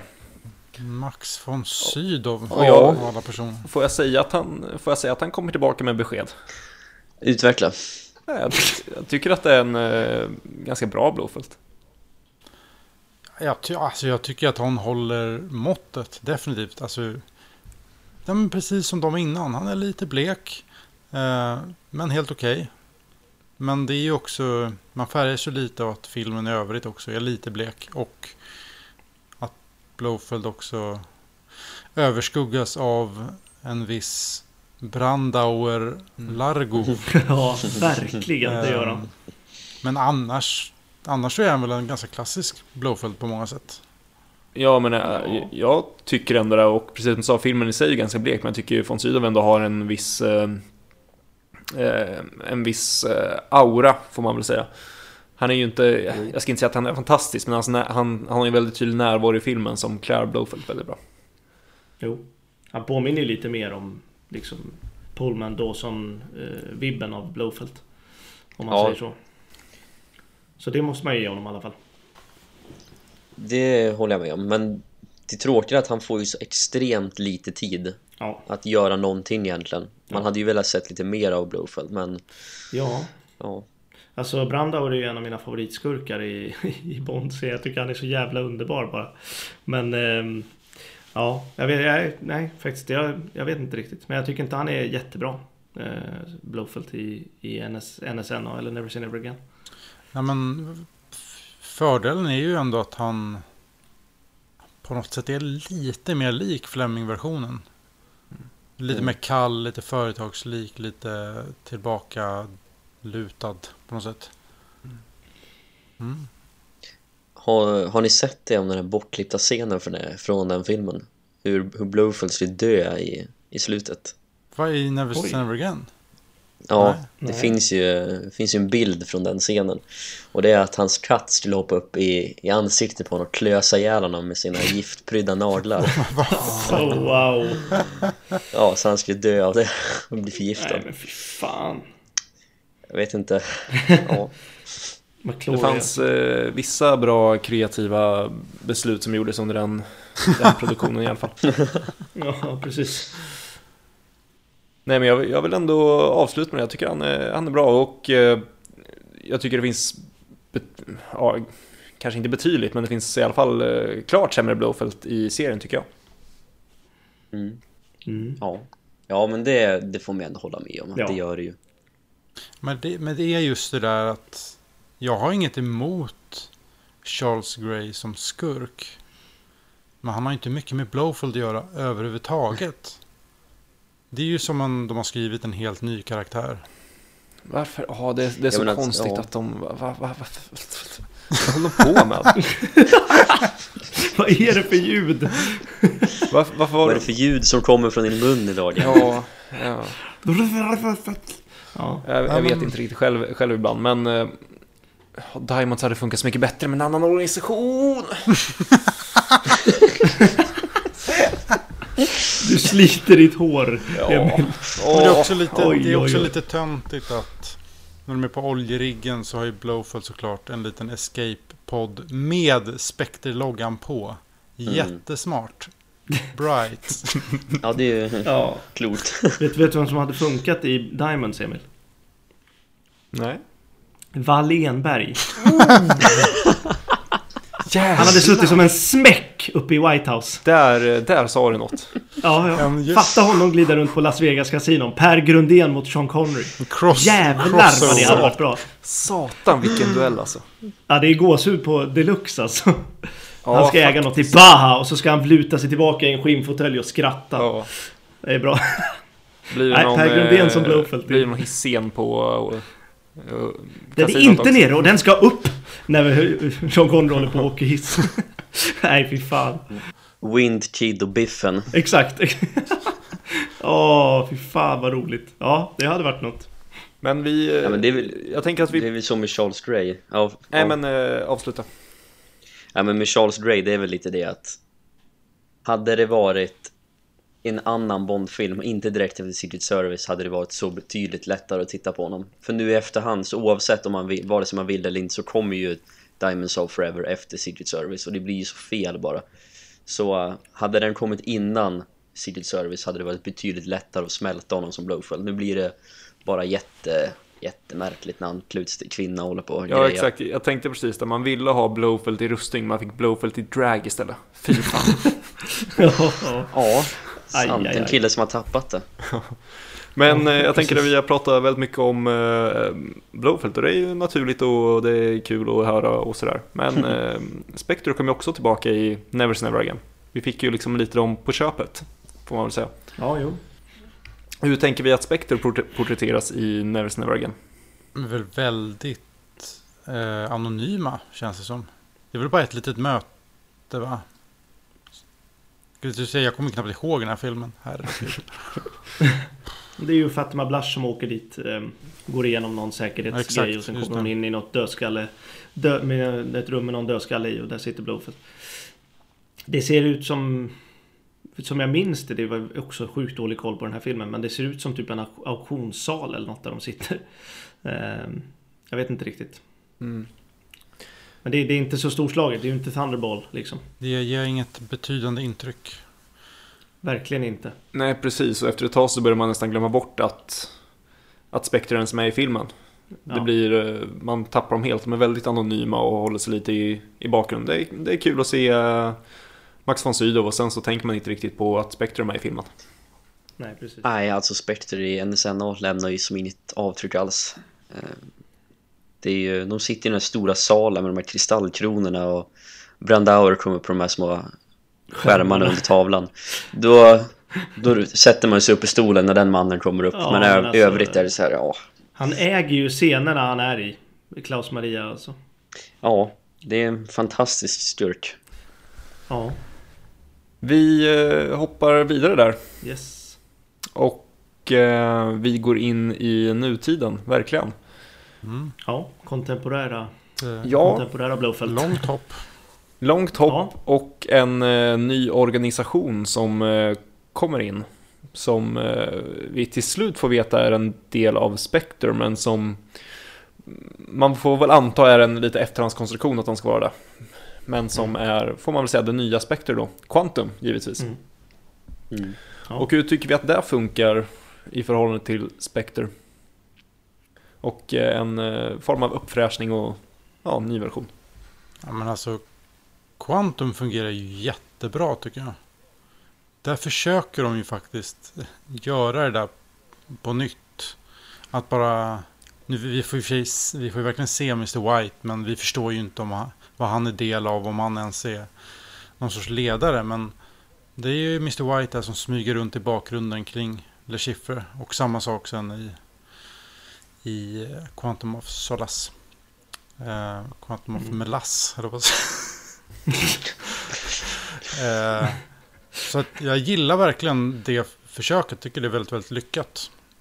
Och Mm. eh, också det att Mr. White faktiskt kommer och dödar Le Chiffre precis som i boken. De håller koll på vilka som jobbar för dem och sköter de sig inte så är det tack och goodbye. Mm. Ja, jo men absolut. Jag tycker det är, det är också det är bra utfört. Som du säger. Sen är ju inte själva eh, efterhandskonstruktionen så Nej, den är spännande. inte vattensäker, vattentät liksom. Eh, nej, det håller jag med om. Men om man ser Quantum som bara Quantum i, i två filmer så är det ju jättebra. Mm. Mm, ja, alltså det jag tycker nästan är bäst med organisationen Quantum det är ju hur de fräschar upp sättet de möter varandra och träffas. Alltså istället för att de sitter vid ett långbord eller sådär så är de faktiskt ute på en opera och de gömmer sig i publiken. De liksom gömmer sig i det öppna och kommunicerar med varandra ändå. Så det tyckte jag var en väldigt bra twist på det här klassiska eh, mötessammanhanget liksom. Um, man fick verkligen känslan av att det här är en organisation som är mer utspridd och kanske mer um, inte lika uppenbart kriminell som Spectre var i sina, ty sina tidigare eh, versioner. precis versioner, exakt. Jo. Utan att det här är ändå medlemmarna i Quantum är sådana som är politiker, sådana som är med på viktiga ställen men ändå är med i den här studieorganisationen. Så det är väl det som lyckas allra bäst. Och sen att det verkar vara typ en platt organisation, verkar inte finnas en tydlig ledare. Det är också intressant. Jag hade velat sett vart de var på väg med Quantum om de inte hade köpt eller fått tillbaka rättigheterna till Spectre. Mm. Och eh, någonstans i ju Quantum, eh, vet det, eh, hur, hur de visar Quantum och hur Quantum är som organisation och allt där, där du nämner med sättet de möts på att det inte verkar finnas en lika tydlig hierarki. Jag tänker att det ligger ju lite i tid med om vi ska bli lite verkliga och titta på vår egen omvärld men hur rena terroristorganisationer har utvecklats. Att det går till terrorceller snarare än en enhetlig grupp med tydliga hierarkier och en tydlig ledare. Att, eh, ja men det ligger väl någonstans i tiden att då också att den skurkorganisationen blir lite mera oklar, så att säga. Ja, för är det i verkliga livet så är det jättedumt att ha ett sammanträde på ett och samma ställe där alla medlemmar finns. Det är ju ganska lätt att spränga den organisationen i sådana fall. Ja, jo, Det precis. där var, jag fick, ja, det där var ju dagens aha. Bra Emil, tack för den. Eh, ja, men det är ju otroligt. Alltså om man nu, jag vet att det är en efterhandskonstruktion. Med liksom att Quantum och Spectre är... Jag vet, vad är efterhandskonstruktion? Är det samma sak eller är Quantum en del av Spectre eller? Det är vad du själv vill, Ja, men då vill jag ta, då tar jag Emils version. Nej, men det är ganska, om man ser det så som någon sorts... Ja, men om man liksom jämför, alltså... Att det finns ju versioner av IS i Afrika som kallar sig något annat, vad de nu kallar sig, det kommer jag inte ens ihåg. Boko Haram, tack. Boko Haram, Precis. precis. Och man kan tänka sig att Quantum och Spectre är på något sätt lite liknande. Att de, de håller sig på sina kanter men finns samtidigt på något sätt. Mm. Mm, jo. Och organisationer där eh, medlemmarna själva någonstans tar sina egna initiativ. Mm. Mm. Eh, nej men eh, annars, jag, jag kan egentligen eh, nästan bara hylla Quantum. Jag tycker det funkar jättebra. Jag tycker det är en... Om de försökte någonstans och ta Spectre in i 80-talet i Never's Never Again som blev ett ganska anonymt eh, 80-tal Spectre så är ju det här ett, en organisation för nutiden som funkar jättebra och känns väldigt, väldigt fräsch. Och eh, Ja men precis som ni menar, alltså det, Spectre har, man har sett Spectre ändå i ganska många olika skepnader både på bok och på film och ändå så känns det som att de ändå lyckades hitta på någonting nytt som gör att det som- fortfarande kan göra en, en ganska arketypisk skurkorganisation intressant och spännande. Och det, ja, det är bara att lyfta på hatten. Ja, jag håller helt med. Kan du påminna mig, eller någon, men det, du kanske har bäst koll Emil, exakt när fick Ion tillbaka rättigheterna? Eh, 20... 13. Ja, precis. Det var... Ja, det måste det vara. Just det. Antingen maj eller november 2013. Så att då är det ganska tydligt att Quantum inte tänkt att ha någonting med Spectre att göra egentligen. I grunden. Nej, alltså det enda som egentligen talar emot det var att John Logan sa redan 2011 att eh, Blowfeld, Bond borde alltid slåss mot Blowfeld och att. Blowfeld kanske kommer tillbaka. Men det kanske var ren spekulation från hans sida. Och ännu tydligare att det här är en total efterhandskonstruktion blir det ju om man börjar ta in Skyfall i det hela. Där det är ganska Mm. uppenbart att den filmen har inte speciellt mycket med Quantum att göra, men de försöker låtsas som att det har det i Spectre. Ja. Ja. Det enda jag tänker på det är liksom Den enda liksom visuella likheten jag skulle se med Quantum och Spectre det är att bokstaven Q är en av tentaklarna i Spectre-loggan.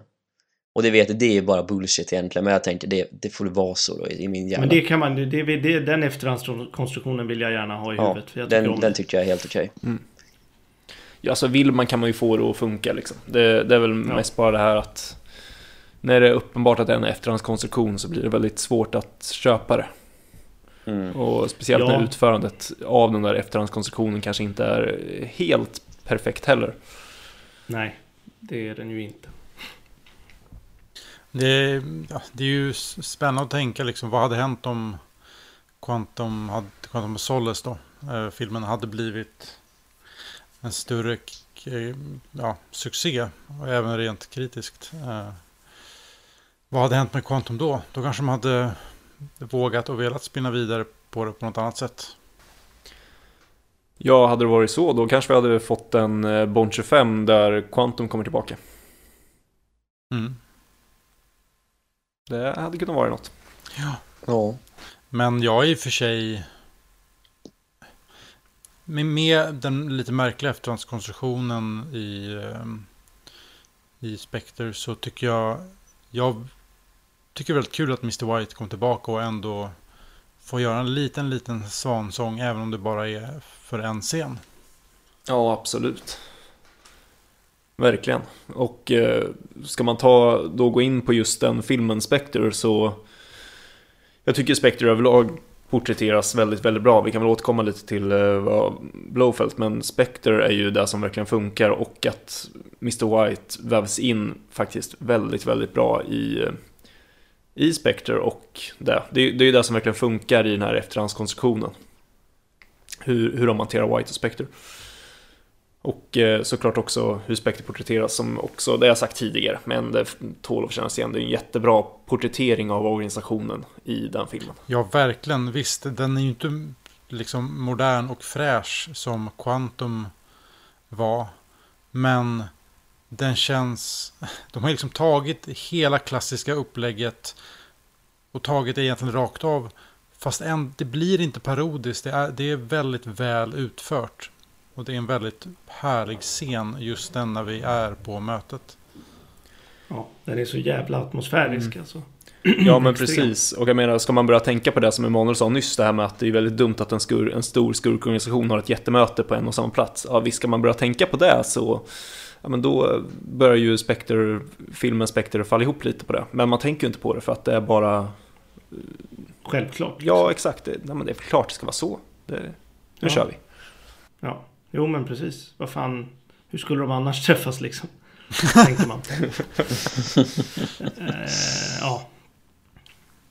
Nej men det är, jag tycker det är, Jag tycker också om det mötet väldigt bra. Och eh, ja men det, det är väldigt stämningsfullt bara.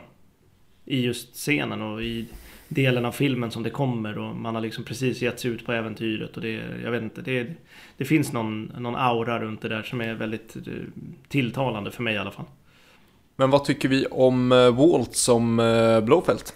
Jag tycker att han har potential att vara en bra Blowfelt, men det han får att jobba med är inte så mycket faktiskt.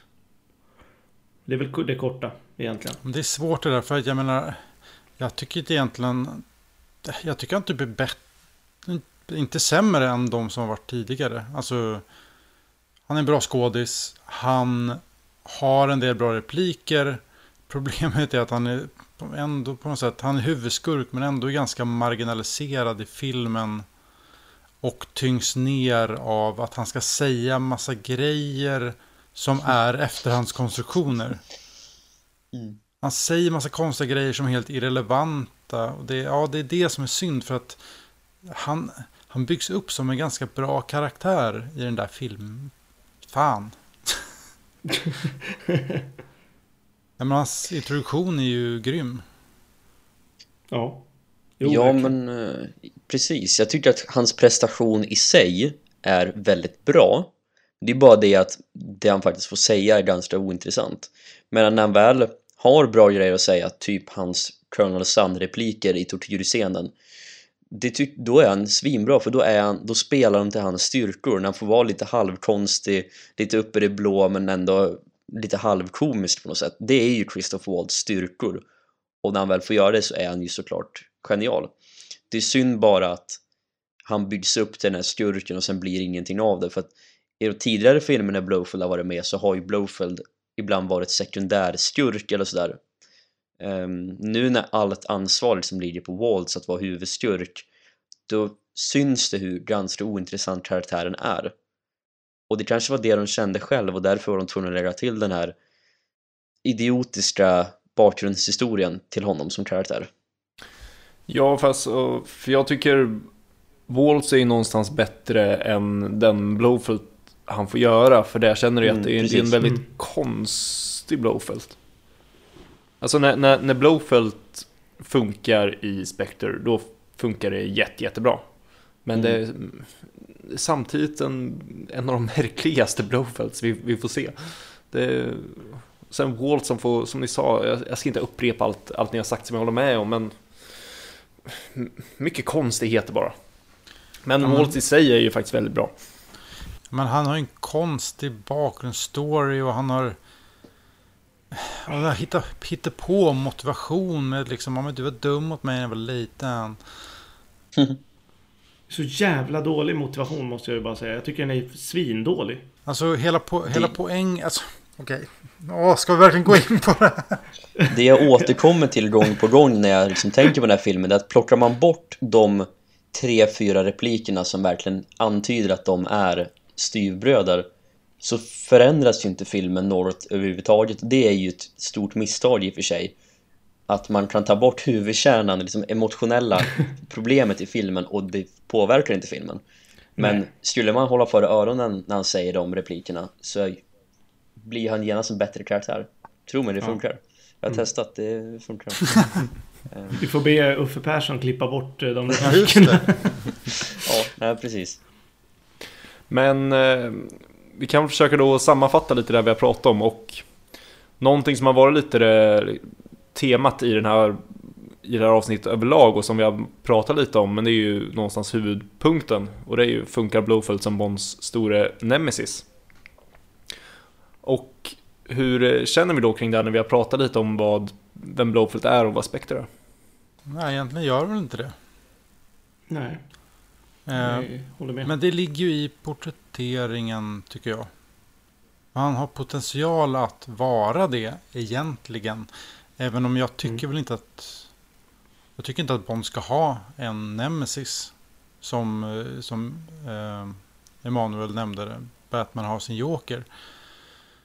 Jag tycker inte Bond ska ha det. Han ska ha uppdrag som han löser åt regeringen. Och det är olika, det är olika liksom olika skurkar som man ska ta fast liksom. Om man ska säga liksom som, som Batman gör. Sen, sen är jag, alltså jag gillar ju liksom om Blowfield och Spectre får återkomma emellanåt.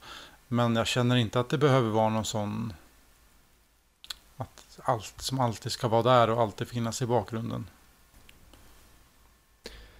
Nej, jag känner väl lite likadant på några sätt. Alltså, om man nu vill eh, någonstans eh, bygga upp Blowfield och Spectre som den stora nemesisen så, ja, jag skulle väl inte säga att det funkar dåligt. Eh, problemet är väl att det i filmerna har porträtterats lite halvdant.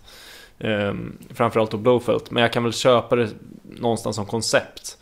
Men det väl, funkar väl kanske bäst om det görs inom ramen för en trilogi i en bok eller ja, några filmer på 60-talet och sen så får Bond utforska andra saker. Jag känner inte att Bond behöver en nemesis, men om nu Bond faktiskt ska ha en så... Det funkar väl, men eh, jag tänker inte på Blowfelt som Bonds store nemesis som jag tror allmänheten i allmänt gör. Därför att det finns mycket andra skurkar som är intressantare, som porträtteras bättre och som gör större intryck på mig överlag. Men ibland undrar jag om det är liksom parodin kring Blowfelt som har byggt upp Blowfelt. Mr Evil och... Ja. Alltså hur, Eller Dr Evil eller vad han jag heter. menar hur, hur, hur stor var Blowfield egentligen i allmänna medvetandet? Jag vet inte. 80, tidigt 90-tal. Det är ju svårt för oss att veta såklart. Men Alltså just den här sinnebilden med en skallig man som klappar en katt och säger I've been expecting you. Alla kan den, men det är ju bara parodi. Det är ju inte det liksom. När kom eh, Simpsons... Eh, Avsnittet. Ja. Ja, det vet jag faktiskt inte. Det är väl inte någon av de första säsongerna? Frågetecken. nej, Mitten på 90-talet kanske? ja, 90-talet någon gång. Jag funderar på, för de har ju, de har ju också... Dels det avsnittet, Från men sen så... 96 är det. Ja, men sen, ja exakt. Och sen så tror jag de har ju par- paroderat Blowfield flera gånger. Mm.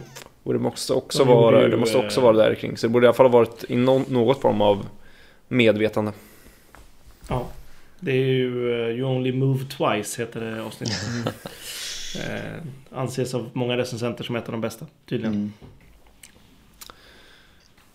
Ja, men jag, jag, jag kommer tillbaka lite till frågeställningen och jag är inne på, på Emils spår där att ska Bond väl ha en nemesis försök gör det helt rätt då i sådana fall för det är ju i, i, även liksom i andra filmer och litteratur och så, här, så är det ju vanligt att den här hjälten har en motsatt sida som är en, hans mörka sida och som återkommer och de har ju misslyckats med porträtteringen egentligen direkt i, om vi ska se det som på det viset.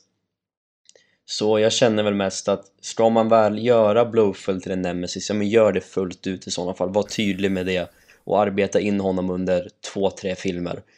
Ehm, Vilket jag kanske hade hoppats på att de skulle göra i Spectre och det gjorde de inte riktigt.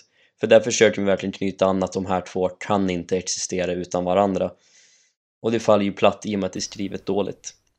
Men visst, ska, det vara, ska någon Bondstewart vara hans nemesis så är det väl Blowfeld. Men han är ju tyvärr för ointressant i grunden för att det ska kunna funka egentligen. Så där gäller det ju att manusförfattarna är kreativa. Ja, och en till grej just med eh, Spectre där, där, där du var inne på om man ska försöka bygga upp något över flera filmer. Ett problem i det sammanhanget på Spectre eh, och hur Blåfält porträtteras där, det är att den anspelar ju så ofantligt mycket till vad allmänheten redan vet och tror och tycker om Blowfelt. Så det är ju egentligen inte så mycket uppbyggnad alls, utan det är snarare herr Blowfelt. Nej, det är Precis. sant. När han presenteras mm. så är han ju inte Blowfelt i filmen. Nej. Och jag, jag, tänker liksom det också, att de som inte har koll på sin Bond-historia, för dem faller det ju hela platt. Visst, man känner igen sin katt liksom och så här, men i övrigt... Äh, om man sitter där som en vanlig biobesökare, I'm Ernest Ever Blowfell, okej. Okay. Okej. Okay. Nej, det är jättemärkligt. Jag, vi pratade i det här filmavsnittet, det är liksom... Deras lösning fungerar inte på något sätt för någon. Nej, mm. precis. Och därför är det intressant att om de väljer att plocka tillbaka Blowfell i någon framtida film hur, hur gör de det liksom? det liksom? Det finns ju oändliga möjligheter att plocka från böcker och från andra filmer bara rakt av som man skulle kunna använda men frågan är, vill de verkligen gå ner den vägen igen? Det får vi se helt enkelt. Ja. ja jag hoppas väl eh, någonstans att det låter konstigt att säga det efter en film men att vi får lite paus från Spectre. men, men så här, nej men alltså någonstans, jag känner väl lite så här, ja men vill de göra det, men låt dem figurera lite halvt i bakgrunden, att det antyds att det är någonting där och sen så får det jobbas in lite över flera filmer. Men jag vill inte bara få det uppslängt i ansiktet på mig, herr Spectre. Utan låt, eh, låt ja men, gör lite Thunderball eller vad det nu är för någonting. Kanske ännu mer subtilt, eller betydligt mer subtilt än vad det är i Thunderball. Bara att man, man vet att det kanske är någonting där. Eller Dr. No, eller vad det nu må vara, att det, det finns det finns kanske någonting mm. där i bakgrunden men det är inte, det är inte de som ska Det är inte de vi ska titta på när vi ser filmen Nej precis Jag vill Nej. mer och mer återkomma till den tanken att Om nu E.ON fick rättigheterna 2013 att de skulle ha väntat ut Craigs era Antingen fortsatt med Quantum eller bara fortsatt med fristående andra styrkor som kanske gör någonting inom sina filmer liksom Men att Spectre kommer till nästa Bond och att vi börjar bygga upp Spectre och Blowfield i och med det en ny generation, en ny era. Nu blir det ju lite nu är det ju väldigt mycket kaka på kaka, liksom allting bara ska ske direkt. Mm. Ja, det är det som är lite läskigt också om de ska spinna vidare på det här att Ska de fortsätta med Blåfull Spectre så måste de göra så jävla rätt för att rädda det som de det sluttande planet med Spectre. Ja, mm. jag kan inte komma på. Jag är jävligt glad att jag inte är den som ska rädda, rädda det. För jag kan fan inte komma på hur de ska göra. Men eh, jag hoppas att de gör det för det vore kul. Men jag har svårt att se hur man skulle kunna liksom ja, svänga den här skutan. Liksom. Mm. Ja, och menar, de har ju som inte lyckats med någon porträttering av Blowfield tidigare. Så jag menar, går man tillbaka historiskt så är ju inte oddsen på Eons sida att de ska lyckas framöver heller, tyvärr. Ja, där är ju, där är ju Jokern mycket bättre hitrate på. Ja, han, men han är ju så mer dim, tredimensionell. Du kan ju göra så ja. mycket mer med honom. Det ser man ju bara i nya Joker-filmen. De tar han och Fy gör någonting helt nytt. Fan vad den var bra för övrigt. Extremt bra. Ja, väldigt bra. Det är ju tydligt att med bra idéer kan man göra mycket med en speciell karaktär men Blowfield är ju, och kanske inte var från början heller, tänkt att vara den här stora ärkeskurken som han har blivit Nej. i efterhand. Mm. Nej, jag tycker alltså för mig är det, jag, på något sätt så känner jag, jag, jag känner ju typ att Goldfinger är lika mycket skurk mot Bond som Blowfield är. Uh, och samma sak med Scaramanga eller Drax. Jag tycker att varje skurk har liksom lika mycket egentligen. Om det är en bra skurk så, så att säga. Det behöver inte vara just Blowfelt. Jag menar, hade, hade Fleming bara tröttnat på att skriva böcker efter Thunderball så hade vi ju, hade ju inte varit helt osannolikt att vi inte hade pratat om Blowfield och Spectre på det sättet som vi gör idag. Nej, precis. Nej, Precis så. morden. Nej, men som sagt, jag gillar tanken av att Blowfield är Bonds nemesis och att Spectre är det- det Bond ska slåss mot, men samtidigt, det behövs inte. Det, det funkar bra i övrigt, men tanken är god och det finns potential där att göra det någon gång. Men Mm. Vet ni vad jag kom, kom på nu? En, exist, alltså en sku, existerande skurk som egentligen typ hade varit en så sjukt bra Blowfield. För han är... Han är så som jag typ tänker med Blowfield i böckerna. Kanske inte utseendemässigt, men hur han är som karaktär. Och det är ju Elliot Carver. oh, ja. En riktig så här företagssnubbe som inte har några skrupler för någonting. Sug på den lite. Men är det så att Tror ni att de skulle använda Janus-syndikatet som en typ av organisation i Brosnans filmer? Eller var det bara one-off för Goldeneye? Det var nog bara en one-off va? Ja. Jag tror också att det var en one-off. Nej, men El- Elliot Ja, Carver... intressant. Ja, men El- Elliot Carver har ju vissa överlappande drag med eh, Blowfield, så jag kan definitivt se det. Sen eh, kan jag inte se det rakt ut, men... Nej, inte eh, helt rakt av, men... Men, det, men just de, de, de, de gemensamma beröringspunkterna som de har eh, håller jag med om, de är jättetydliga. Och där kan man, man kan verkligen se att det finns någonting där som börjar gå åt det hållet. Precis, ska man göra en Mm. Blowfield så är det nästan åt det hållet jag vill ha det. Och det är väl i och för sig de hintar om också i, i Spectre när de sitter och pratar där i början. Det är väldigt företagslikt. De pratar om någon medicin...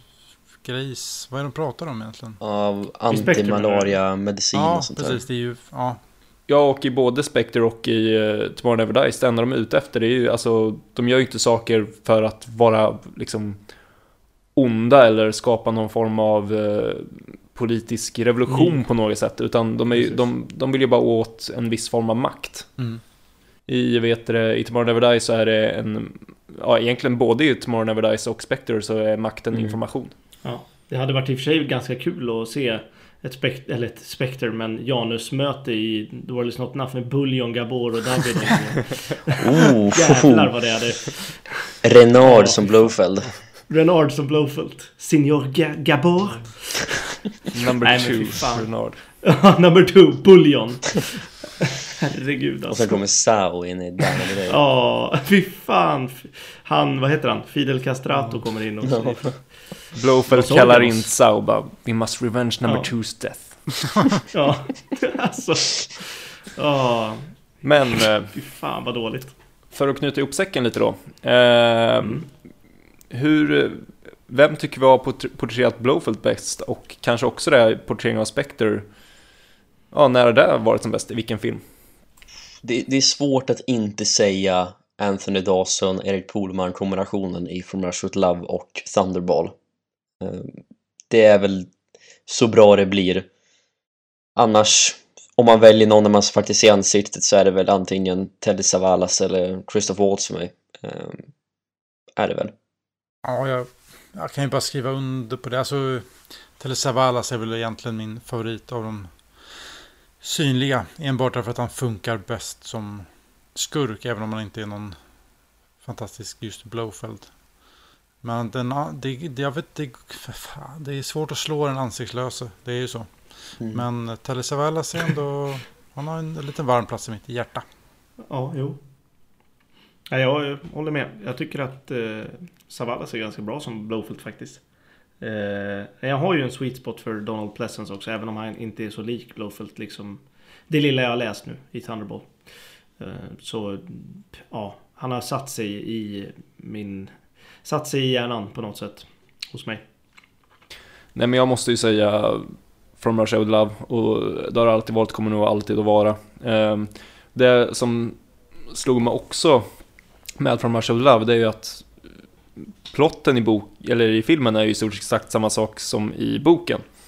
Och i boken så är det inte Spectre som är skurken, men det känns fortfarande som en väldigt, väldigt spektrig plan. Att bara så här, ja men nu ska vi komma över här och vi ska bara pressa ut makten mot varandra och försöka tjäna lite pengar. Det känns som någonting som, alltså helgjut som Spectre skulle göra. Ja, de har ju modifierat plotten perfekt Mm. för filmen. Ja, exakt. De har ju gjort de ändringarna precis som behövs. Ja. Men jag tycker att det är, nej, det är verkligen, för mig är det sinnebilden av eh, Blowfelt på film. Alltså, säger någon om Blowfelt, då är det... Då är det, då kommer jag till båten och bara börjar, ja, Mysa. ja, ser, ser ryggen. Men när organisationen är som bäst Det är en, det är en annan fråga Lite för där- svårare, Det är lite jag. svårare, ja Där är det väl Jag är sugen, jag fingrar lite på John Twice ändå Det är någonting härligt bombastiskt i hur organisationen Fingrar är lite på John Twice, Ja. gör du det? det, Det måste ändå vara dagens mest oväntade svar, att du lyfter upp den som den bästa port- för den, annars känns ju den så lång, alltså väldigt långt ifrån Spectre. Att det just är Ja, för men- bombastiskt. Men det är ändå Ändå härligt på något sätt Den är verkligen så vidspread och Total bara på något sätt Ja, det är nog John Twice ändå där jag tänkte, säg någon Spectre till mig, ja men då är det John Twice Ja, för mig är det ju Thunderball. Helt och klart. Mm. Eh, däremot så, alltså jag, jag, den är ju, idén är ju kittlande på att det gänget som har suttit där på en litet kontorsrum i Paris. Alltså det är ju, man blir ju lite glad när man vet att de har byggt en jävla vulkanbas i Japan. De har lyckats Ja, det är ju så, Ja, men fan har ni gjort det är det? ju fan- Det är ju, där kan man snacka om hatten av. Alltså, de, Ja, det, är verkligen. ju, ja, det är lite kittlande. Hade, hade Killinggäng gjort en film om Spectre det hade ju varit vuxna män gör saker tillsammans Det är exakt vad Spectre är Ja, exakt. Sköna killar som sitter och kommer på grejer för att förstöra jorden Soundtracket till den är absolut kromata 9. Det är standard. En liten film om att göra någon illa så är det han och Ja. Ja, handlar om styrbröder. ja. Johan Rheborg och Blowfelt. Eller Johan Rheborg och Robert Gustafsson är Bond och Blowfelt. ja. Ja. Johan Rheborg får panik när han inser att han har kapat atombomber. Jävlar, vad ska jag göra då? Arg 22 miljarder! Alltså, han, han är ju, hade, Johan Rheborg spelat något där, han hade ju varit eh, Kuts. Bara så här riktigt, ner, riktigt Ja, nervvrak. exakt. Ja, ja, verkligen. Verkligen. Ja. Johan Rheborg hade ju varit den snubben i Spectre som inte dör men som tror att han dör. Det, det sitter och svettas i Jonas järnet. Inde som dör Ja, det är det ju. ja. Ska vi eh, Nej, knyta ihop säcken där?